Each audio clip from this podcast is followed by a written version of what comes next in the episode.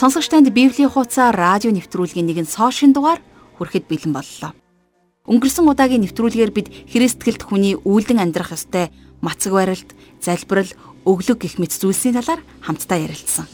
Энэ удаа мөн Христгэгч хүний дагаж мөрдөх ёстой, за мөн анхааруул зохих ёстой зүйлийн талаар үргэлжлүүлэн суралцгаална. Багшийн эрдэм шавд гэж монголчууд их ярьдаг даа. Есүсийг амьдрч явах үед Бурхны хуулийг зааж сургадаг олон хүмүүс байсан хэрнээ хинэн ч Есүс шиг тодорхой Бурхны үг сургаалуудыг амьдралд ойр дөхөн байдлаар зааж байсангүй. Тиймээс өнөөдөр олон хүний хувьд мэддэг гэж боддог бусдыг шүүх, хуурамч болон үнэнч байдлыг ялгаж таних талаар өнөөдрийн хичээлээс бид олон зүйлийг хамтдаа суралцгаална. Загалмай зүгээд Библи барьчлаа гэд итгэвч болдоггүй Харин Есүсийн заад сургасан зүйлийг амьдралдаа хэрэгжүүлвэл таныг өөрийнхөө тухай яриачгүй байхад та Есүст итгэдэггүй гэж асуух болно. Учир нь багшийн эрдэм шавд гэдэг үг чинь багшийнхаа заад сургасны дагуу ажиллаж амьдрч байгааг хэлдэг юм шүү. Харин одоо хичээлээ эхлүүлэхээс өмнө Бурханд хандаж залбирцгаая. Бурхан эзэн минь, танд бүх зүйлийн төлөө талархаж байна. Өнөөдөр таны хүүхдүүд болохынхоо хувьд бид хэрхэн зөв амьдарч таны үг сургаалыг дагдаг хүүхдүүд гэдгээ харуулan амьдрахад та өнөөдрийн хичээлээр дамжуулж бидэнд та заан сургаач. Бид бас өнөөдрийн хичээлийг амьдралдаа хэрэгжүүлэхийг хүсэж байна. Тиймээс та бидэнтэй хамт иж ариун сүнсээрээ биднийг удирдан жолоодож өгөөрэй. Энэ цагийг танд өргөж Есүс Христийн нэрээр залбирлаа. Амен. Ингээд Матай номын 7 дугаар бүлгээс багшийн бидэнд юу заахыг хамтдаа сонсцгоё. За сайн байна уу? Тэгэхээр бид нэр Есүсийн уулан дээр заасан сургаалыг хамтдаа үзэн судалж байгаа. За энэ хөө сургаал бол бидний амьдралд хамгийн ойр тийм практик заавруудаас бүрддэг юм. А гэхдээ нарийн ч заавар биш. Итгэлийн амьдралын үн цэнийг илтгэсэн ийм үгсүүд байдаг юм. За тэгэхээр өнөөдрийн бидний үзэх сэдэв бол бид нар залбирлаар дамжуулан хэрхэн яаж Бурхны хаанчлалын бусад иргэдтэй харилцах вэ гэдэг тухай ярилцах болно. За ялангуяа бид нэр хоёр замын тухай за мөн хуурамч зүнж тэгэд хуурамч сүсэг бишрэл болон бас хоёр суурийн талаарх эцсийн анхааруулгыг Есүс юу гэж ярьсан тухай үздэгэх болно. За хамгийн ихний ярих сэдэв маань болохоор шүүх бусдыг шүүхтэй холбоотой сэдэв байна. За бүгдээ хамтдаа Матай 7 дугаар бүлгийн 1-ээс 2 дугаар ишлэлийг гаргацгаая. Нэгээс 2 дугаар ишлэл. Шүүгдэхгүй тулд бүү шүү. Учир нь та нар яаж шүүн түүнчлэн шүүгдэнэ. Та нарын химжүүрийн жишиг өөрсдийг чинь химжинэ. За эдгээр ишлүүд бол заримдаа буруу ойлгогддог. Шүүх гэдэг үг бол сонгох, ялгах, за эсвэл буруушаах, өшөө авах гэсэн утгуудыг илэрхийлж, за мөн бас заримдаа хараал гэсэн утгыг ч илэрхийлэх боломжтой байдаг. Эдгээр ишлүүд нь бусад хүмүүсийг шүүх нь хориотой гэж хэлээгүй. Харин тэднийг буруушаах байдлаасаа болж тэдний дотоод хандлагыг шүүх ёсгүй юмаа гэдгийг Есүс хэлсэн байна. Тэгэхээр Христ доторх зарим ахан дүүс маань энэ тал дээр зарим нэг юмыг ойлгодгүй. Бид нар зөвхөн гадагшаагаа чиглэсэн үйл хэргийг л хардаг. Тэгээ бидний хардагчлан Бурхан бидний буруу хорон мүг шүүх байдлыг минь хориглоог. За тэгэхээр хамгийн гол санаа нь юу вэ гэхлээр зэрэг хэрвээ та бусдыг шүүх боллоо гэж бодъё. Тэгэхээр шүүхтэй маш хатуун ширүүн байх юм бол та бусдын талаарх өөрийнхөө бодолдоо үнэнч байдаг тийм л хүн юм байна гэж бусдад дүгнэгдэх болно. Тэгээ миний хувьд бол ийм хүмүүсийг мэддэг. За тааж гисэн бас ийм хүмүүстэй дайрлаж байсан баг. Магадгүй хин нэгэн хүн танд ингэж хэлж болох юм. Тэрний хэлсэн үгийг тоох хэрэггүй шүү дээ. Тэр угаасаа л сайхан үг хэлдэггүй юм гэж. Тэгэхээр энэ үгэн дотор шүүлсэн шүүлт байгааг та харж байна уу? Тэгэхээр бидний эзэн энэ ишлэлд яг энэ тухай заасан юм. За 7-гийн 3 дугаар ишлэлдэр илүү тодорхой хэлсэн байгаа. За 3 дугаар ишлэлийг харъя. Чи ах トゥ усийнхээ нүдэн дэх үрцгийг хардаг атал яагаад өөрийн нүдэн дэх дүнзийг анзаардгүй юм? Тэгэхээр бурхан таны ах トゥ усийн нүдэн дотор байгаа өчүүхэн жижиг тоос шороо мэт үрцгийг таны нүдэн дотор байгаа авраг том дүнзтэй харьцуулж байгааг та анзаарч байна уу? Тэр дүнз нь бусдыг шүүж байгаа байдал болон за бидний буруу ёс заншил бас буруу хандлагыг илэрхийлж байдаг. За 4-өөс 5 дугаар ишлэлдэр Есүс цааш нь үргэлжлүүлээд ингэж хэлсэн байна. Эсвэл өөрийн чинь нүдэнд дүнс байх атал ах дүүстэй нүднээс чинь тэр үрцгийг аваад өгөө гэж хэлнэ гэж юу? Хоёр нүрд хүн чи эхлээд нүднээсээ дүнзээ авч хай. Тэгвэл чи ах дүүгийнхээ нүднээс үрцгийг авч хаяхдаа сайн харах болно гэсэн байна. За энэ мэт маш хатуу харгас шүүлт нь гарцаагүй бидний болгоомжтой байх хэрэгтэй зүйлсийн нэг байгаа юм. Хэдийгээр Есүс маш тодорхойгоор бидэнд хатуу чанд шүүлтийн сандалд өөрсдөө суулгаж болохгүй гэж хэлсэн байна. Тэгэд Есүс цааш нь хэлэхдээ тэр биднийг гаргаж байгаа үр жимсээр нь таньж болно гэж хэлсэн байна. Тэгэхээр нэгэн алдартай доктор ингэж хэлсэн байдгийг. Би шүүгч биш харин жимс шалгагч гэж. За ямар ч байсан итгэгч бид нар итгэлийн үр жимсийг ургуулж байна гэдгийг таних бас хэлэх боломжтой гэсэн үг байна. За тэгэхээр бусдыг шүүх нь хориглогдсон гэж ойлгож байна. За Матайн 7 дугаар бүлгийн 6 дугаар ишлэлийг харцгаая. Ариун юмыг ногтод бүүг. Өөрсдийн сувдыг гахааны өмнө бүү хай. Тэд түүний хөл доороо гიშгчгээд эргэж чамайг хэсэглэн тасдчих вий гэсэн байна. За бидний хувьд тэр нохоо гэж хэн болох за мөн бас гахаа гэж яг хэнийг хэлээд байгаа вэ гэдгийг бид нар ойлгох хэрэгтэй. Эдгээр амьтад болвол Есүсийн яриад байгаа дөрвөн туурайтай амьтад биш. Бид нар ариун гэгдэж байгаа зүйлсийг ногтод а эсвэл өөрсдийн сувдыг гахаанд хайж өгөх ёсгүй. Тиймээс бид нар зарим талаараа шүүх хэрэгцээ бас гарч ирж байна. Зарим тохиолдолд хаа нэгэн газар ямар нэгэн үг хэлэх тохиромжгүй байдаг шүү дээ. За энэ бол мэдээж таны хийх сонголт шийдвэр юм. Харин би та нарт хэлье. Бидний энэ нийгэмд гахаанч байгаа, бас нохоонч байгаа. За тэгвэл бид нар юу хийх хэрэгтэй гэж? Есүс хэлэхдээ бид нар бусдыг шүүж болохгүй гэсэн ч бас бид тодорхой хэмжээгээр шүүх хэрэгтэй гэж хэлсэн байна. Тэгэхээр тэр дараагийн ишлэлд бидний яах хэрэгтэй байгааг илүү дэлгэрэнгүй хэлсэн байна. За эхний ээлжинд бол залбирал бол яах ч аргагүй энэ байдлаас гарах арга зам байгаа юм. За энэ тухай 7-оос 8 дугаар ишлэлдэр гуй тэгвэл та нарт өгөгдөнө. Хай тэгвэл та нар олно. Тогш тэгвэл та нарт нээгдэнэ. Гуйдаг хүн бүр авна. Ирж хайдаг хүн олно. Тогшдог хүнд нээгдэнэ гэсэн баг.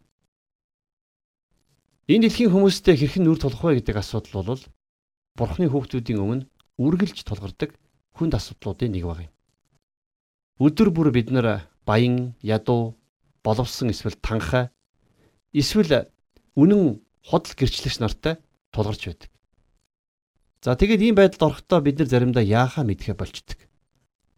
Зарим хүмүүст нь бидний нөхөрлөл тусламж хэрэгтэй байдаг. Тэгээд бид нар тэднийг зүрх сэтгэл рүүгээ татах хэрэгтэй. Харин гэтэл заримын хувьд бол тэд нар залт хүмүүс байдаг учраас бид нар тэднийг өөрсдөөсөө холдуулан түлхэх хэрэгтэй болдог. За тэгвэл бид нар яах вэ? Бид нар гарцаагүй энэ л байдлын төлөө бид нар гуйж, хайж, тогших хэрэгтэй гэсэн үг. Тэгэхээр энэ ишлэл өөр нөхцөл байдлуудад ч гэсэн хэрэгтэй боловч за нин төрөнд энэ харилцааны асуудалд хамаатай байгаа юм. Тэгэхээр яг анхны чуулганы үед нэгэн сонирхолтой үйл явдал тохиолдсон нь Үйлс номын 5 дугаар бүлэг тэмдэглэгдэн үлдсэн байна. За энэ үйл явдал дээр бол Петр Анания Сафир хоёрын худлаа хэлж байгааг шууд мэдсэн. За тэгэхээр миний хувьд хин нэгэн худал хэлж гэнэ үү үгүй юу гэдгийг бол хэлж чадахгүй л дээ. А анхны чуулганы хүмүүст байсан шиг тийм сүнслэг ялгах чадвар надад байхгүй. А өнөөдөр зарим нэгэн хүмүүст ийм бэлэг авьяас байгаа гэдэгт би итгэж байгаа. Гэхдээ залбиралтайгаар ялгаж салгах нь туйлын чухал. Та ямар нэгэн шинэ хүмүүстэй анх уулзаад Тэгээд бурханд хандаж тэднэртэй ер нь яаж харилцах вэ? Тодорхой харуулж өгөөч ээ гэж залбирч байсан уу? За энэ нь бол маш их үр дүнтэй маа гэдгийг би амьдралтаа олж мэдсэн. За дараагийн ишлэлийг харах юм бол бурхан яг энэ асуудалд яаж хандах талаар зөвлөсөн баг. За 7 дугаар бүлгийн 9-оос 11 дугаар ишлэл. Хүүгээ талах гоохот чулуу өгдөг хүн та нарын дунд байна уу? Эсвэл загас гоохот түүнд могоо өгөхгүй үсттэй. Хэрв та нар бузар атлаа хүүхдүүддээ сайн бэлэг өгөхөө мэддэг юм бол Тэнгэр дэх эцэгт нь өөрөөс нь гуйдаг хүмүүст илүү сайныг өгөх нь дамжиггүй болсоо. За харин одоо алтан дүрм хэмээн нэрлэгддэг дүрм энэ хэсэгт гарч ирж байгаа. За энэ алтан дүрмийг бүгдээрээ анхааралтай харцгаая. 7-гийн 12 дугаар ишлэл. Тиймээс та нар хүмүүсийг өөрсөддөө хэрхэн хандаасаа гэж хүсснээрээ л өөрсдөө ч тийхүү тэдэнд ханд. Энэ бол хууль болоод иш үзүүлэгчд мөн гэсэн байна. За би алтан дүрмийг дахиад уншия. Энийг цээжлэхэд илүүдэхгүй баг. Тиймээс та нар хүмүүсийг өөрсөддөө хэрхэн хандаасаа гэж хүсснээрээ л өөрсдөө ч тийхүү тэдэнд ханд. Энэ бол хууль болоод иш үзүүлэгчд мөн гэсэн байна. Та хин нэгэн шинэ хүнтэй уулзаад тэр хүнд жохом яаж хандах вэ? Мэдээж та шүүх ёсгүйгээ мэдэхгүй байжээ гэж бодъё. Гэхдээ хэрвээ тэр хүн нохоо эсвэл гахаа байх юм бол та түүнийг мэдэх хэрэгтэй болно. Хуурамч хүмүүсээс болвол бид нэр үргэлж болгоомжтой байх хэрэгтэй. За тэгвэл та яг яг юу хийх хэрэгтэй гэж. Хамгийн эхлээд залбирал болгох хэрэгтэй. Тиймээс та нар хүмүүсийг өөрсөддөө хэрхэн хандаасаа гэж хүсснээрээ л өөрсдөө ч тийхүү тэдэнд хандаа гэж хэлсэн байна. Энэ бол та бидний санаж явах ёстой алтан дүрм харилцааны алтан дүрм баг юм. Тимээс гэсэн үг бол алтан дүрмийн хамгийн чухал үг. Энэ үг алтан дүрмийг өмнө нь гарсан зүйлтэй хамаатуулж байгаа. Өөрөөр хэлэх юм бол энэ нь залбирахыг шаарддаг бөгөөд залбиралтай нэг юмаа гэсэн үг. Алтан дүрмийг онцолж аваад зөвхөн үгээр л бид нэр амьдрдгаа гэж бити хэлээрэ. Эзний хилээд байгаа зүйлийг сайн ойлгох хэрэгтэй. Үнэн дээр зөвхөн гуйж, хайж, тогших үед л бид нар алтан дүрмийн гэрэл дотор алхаж чадна гэсэн баг. За дараагийн бүлэг ишлэл дээр Есүс хоёр замын тухай, хоёр сонголтын тухай хэлсэн байна. За 7 дугаар бүлгийн 13-аас 14 дугаар ишлэлийг харцгаая. Нарийн хаалгаар ор. Учир нь сүйрэл рүү татан оруулдаг хаалга нь өргөн, зам нь уужим юм.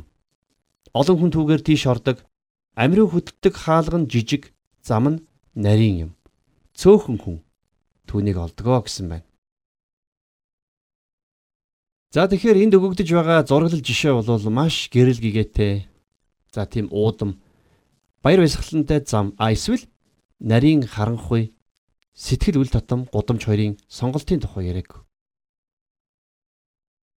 А үнэндээ бол энэ яг нэг үгээр хэлэх юм бол юулүрийг биднэрт харуулж байна гэсэн үг. Хэрвээ та юулүрийн өргөн хэсгээр орох юм бол доошо унах тусам нарийсч эцэст нь үхэл сүрлэр зогсохгүй там дунагч аюултай байх боломжтой. А гэхдээ та бас юулүрийн нарийн хэсгээр нь орж болно. Тэр нь Христийн тухай ярьж байгаа юм. Есүс бол зам, тэр бол үнэн, тэр бол амь юм. Тэм учраас Есүс хэлэхдээ би тэднийг амьтаа бялгсан амьтаа байлгахын тулд ирсэн юм а гэж хэлсэн энэ үг нь Иохны сайн мэдээгийн 10-ын 10 дугаар эшлэлдэр тэмдэглэгдсэн байдаг. Та Есүстэй хэр хол алах нь тэр хэмжээгээр зам өргөн байх болно.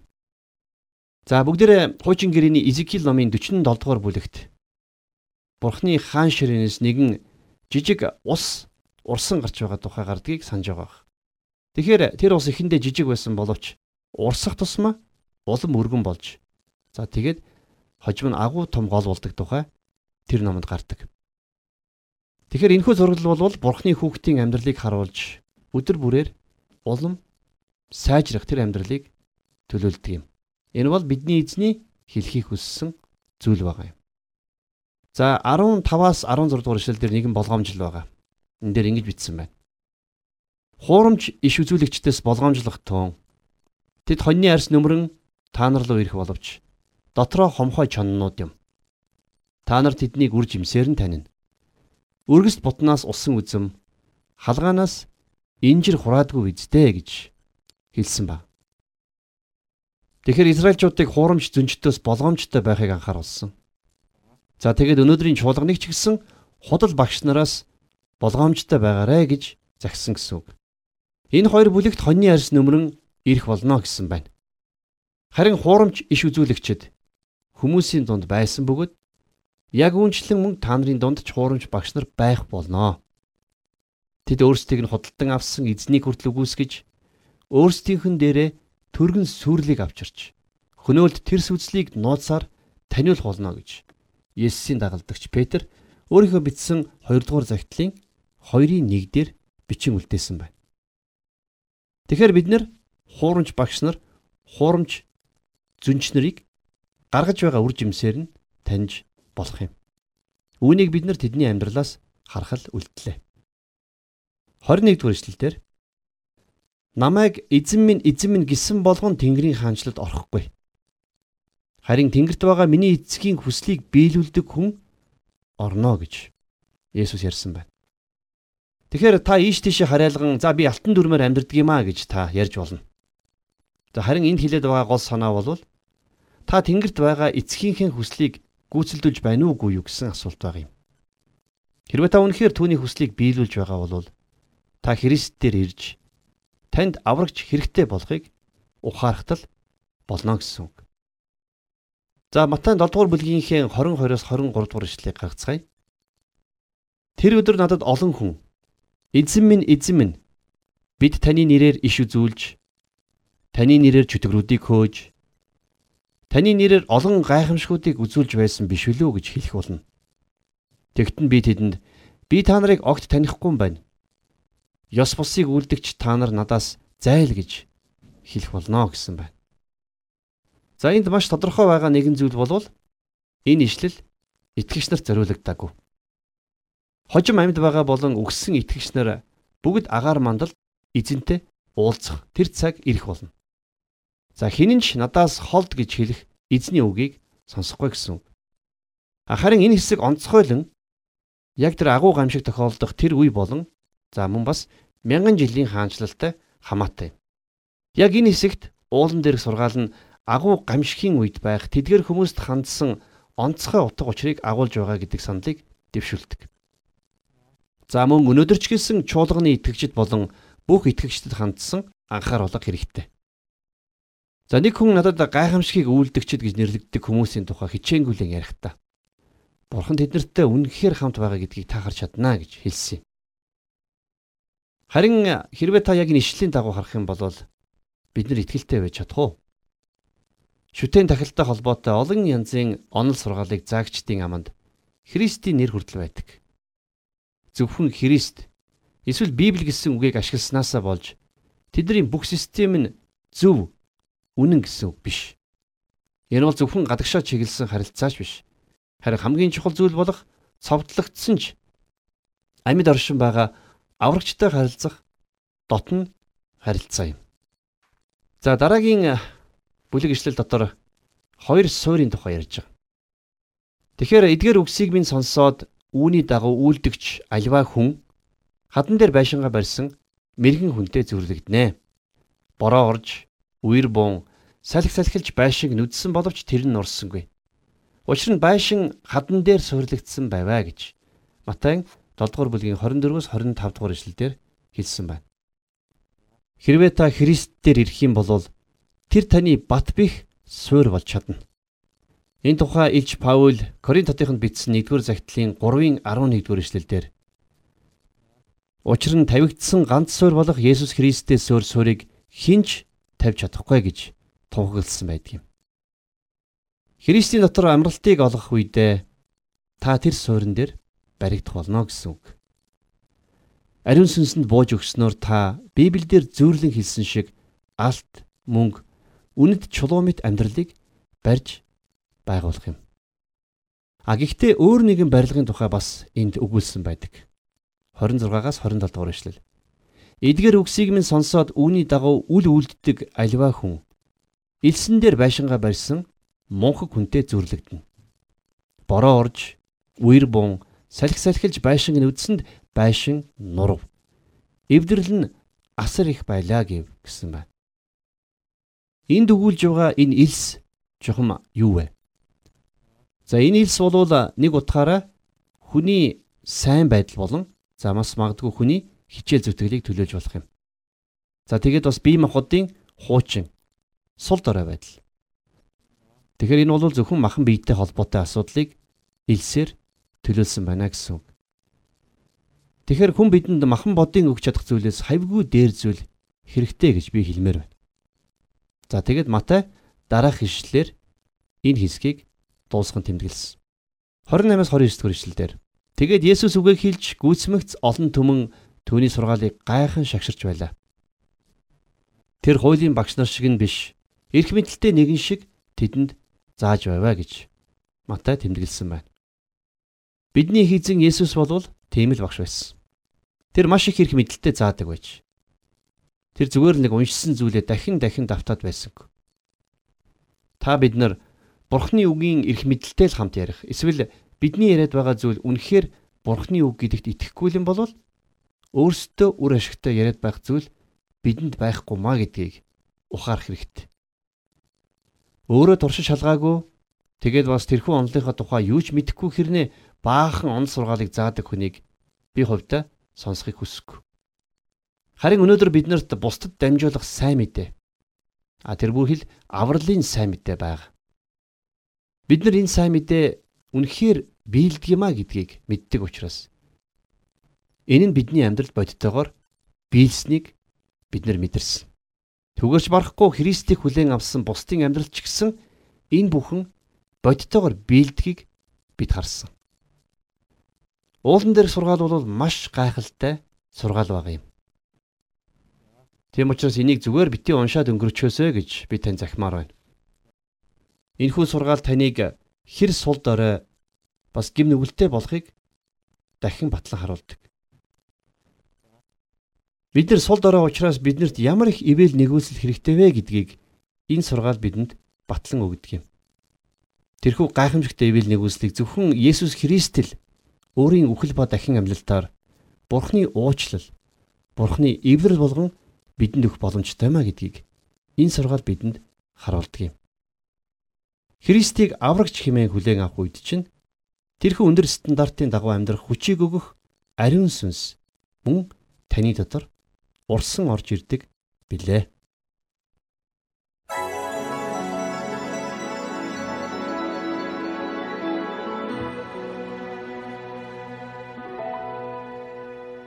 Нэг юм байдаг да. Зарим хүмүүс Есүст итгэгчдээс маш өөсөйгүй амьдралыг шаарддаг. Харин бидний амьдралын зөв хэв маяг бол Есүс Христийн үгийг дагах дуулууртай байдлаас гардаг гэдгийг өнөөдрийн хичээлээс ойлголоо шүү дээ. Үгээр манай өнөөдрийн хичээл өндөрлөж байна. Харин өнөөдрийн сурсан зүйлээ хамтдаа хэрэгжүүлэхийн төлөө Бурханд хандаж залбирцгаая. Бидний хадан суур болсон эзэн минь танд бүх зүйлийн төлөө талархлыг өргөе. Өнөөдрийн бүх сургаалыг эзэн даган биелүүлэх тэр хүч чадал сэтгэлийн урам зориг тэнхийг бид танаас хүсэн гуйж байна. Бид хүмүүсийн хүсснээр биш харин таны хүслээр амьдарч эзэн таныг алдаршуулан амьдрахыг хүсэж байна. Хормоо хүмүүсээс болон дьяволын бүхий сорилт дайрал товтлогооноос та биднийг хамгаалж өгөөрэй. Би танд амь амьдралаа даатгаж Есүс Христ хааны нэрээр залбирлаа. Амен.